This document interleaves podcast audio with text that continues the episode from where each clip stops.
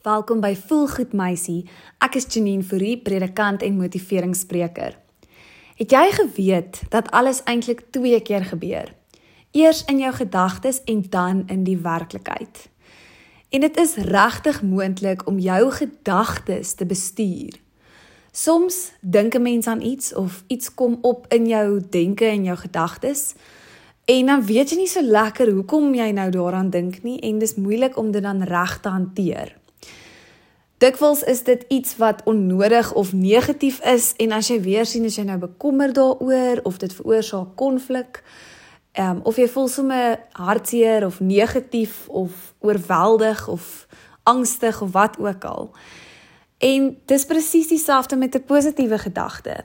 As jy doelbewus kan kies om aan iets positief te dink, kan dit jou realiteit totaal en al verander. As jy dadelik kan dink aan iets waarvoor jy dankbaar kan wees, gaan jy sommer ewe skielik net 'n ander uitkyk hê. So 'n mens moet regtig leer om jou gedagtes te bestuur. As jy jou kop kan bestuur, is jy soveel stappe voor. En alles gebeur eerstens in jou gedagtes. Die manier hoe jy jouself sien, hoe jy God sien en hoe jy ander ook sien en verstaan. So dit is so belangrik om te leer om jou gedagtes oor te gee aan God. En die oomblik wanneer jy agterkom jou gedagtes is besig om nou oor tyd te werk en jy dink nou te veel, kan jy net daar stop en dit vir die Here gee.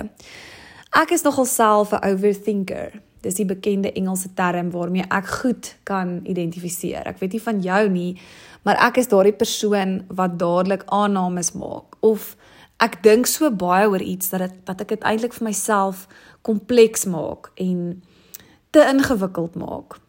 En soms moet 'n mens net ook leer om te laat gaan van sekere goed en om die Here 100% te vertrou. Ek het myself al in soveel situasies bevind waar ek aannames begin maak het en afleidings en verkeerde dinge begin dink het oor iets en dan is dit glad nie eers nodig gewees nie. Dan dink 'n mens altyd die heel ergste en jy stres jouself verniet op. So dis hoekom dit so belangrik is dat jy jou gedagtes moet leer bestuur. Vra vir die Here om daardie gedagtes wat negatief of verkeerd is of wat lei tot 'n verkeerde emosie en gevoel by jou dat die Here dit sal vasvang vir jou en in hegtenis sal neem en dat dit glad nie verder sal manifesteer in jou lewe nie dat dit jou nie sal oorheers nie en dat jy dadelik dit sal stop neem dit vas vat dit vas vang dit vas en keer dit om enigsins verdere invloed of effek op jou te hê en dit is absoluut moontlik En so kan jy jou realiteit totaal en al verander. Nou ek glo definitief nie in 'n toksiese positiwiteit nie. Dis deesdae 'n nuwe trend wat ek sien. Dis wanneer 'n mens so half net vir almal sê, "Ag, wees net positief. Kies net positiwiteit." Dis nie altyd so maklik om net positiwiteit te kies in moeilike situasies nie. En dan is dit asof jy nie regtig die probleem in die oë staar nie.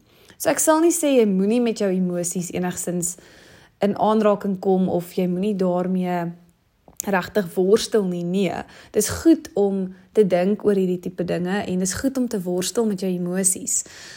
Maar om net dankbaar te wees en nog steeds te weet dat God in beheer is van jou lewe en dat hy baie groter is as enige van die probleme of uitdagings wat jy nou in hierdie moment ervaar is bevrydend.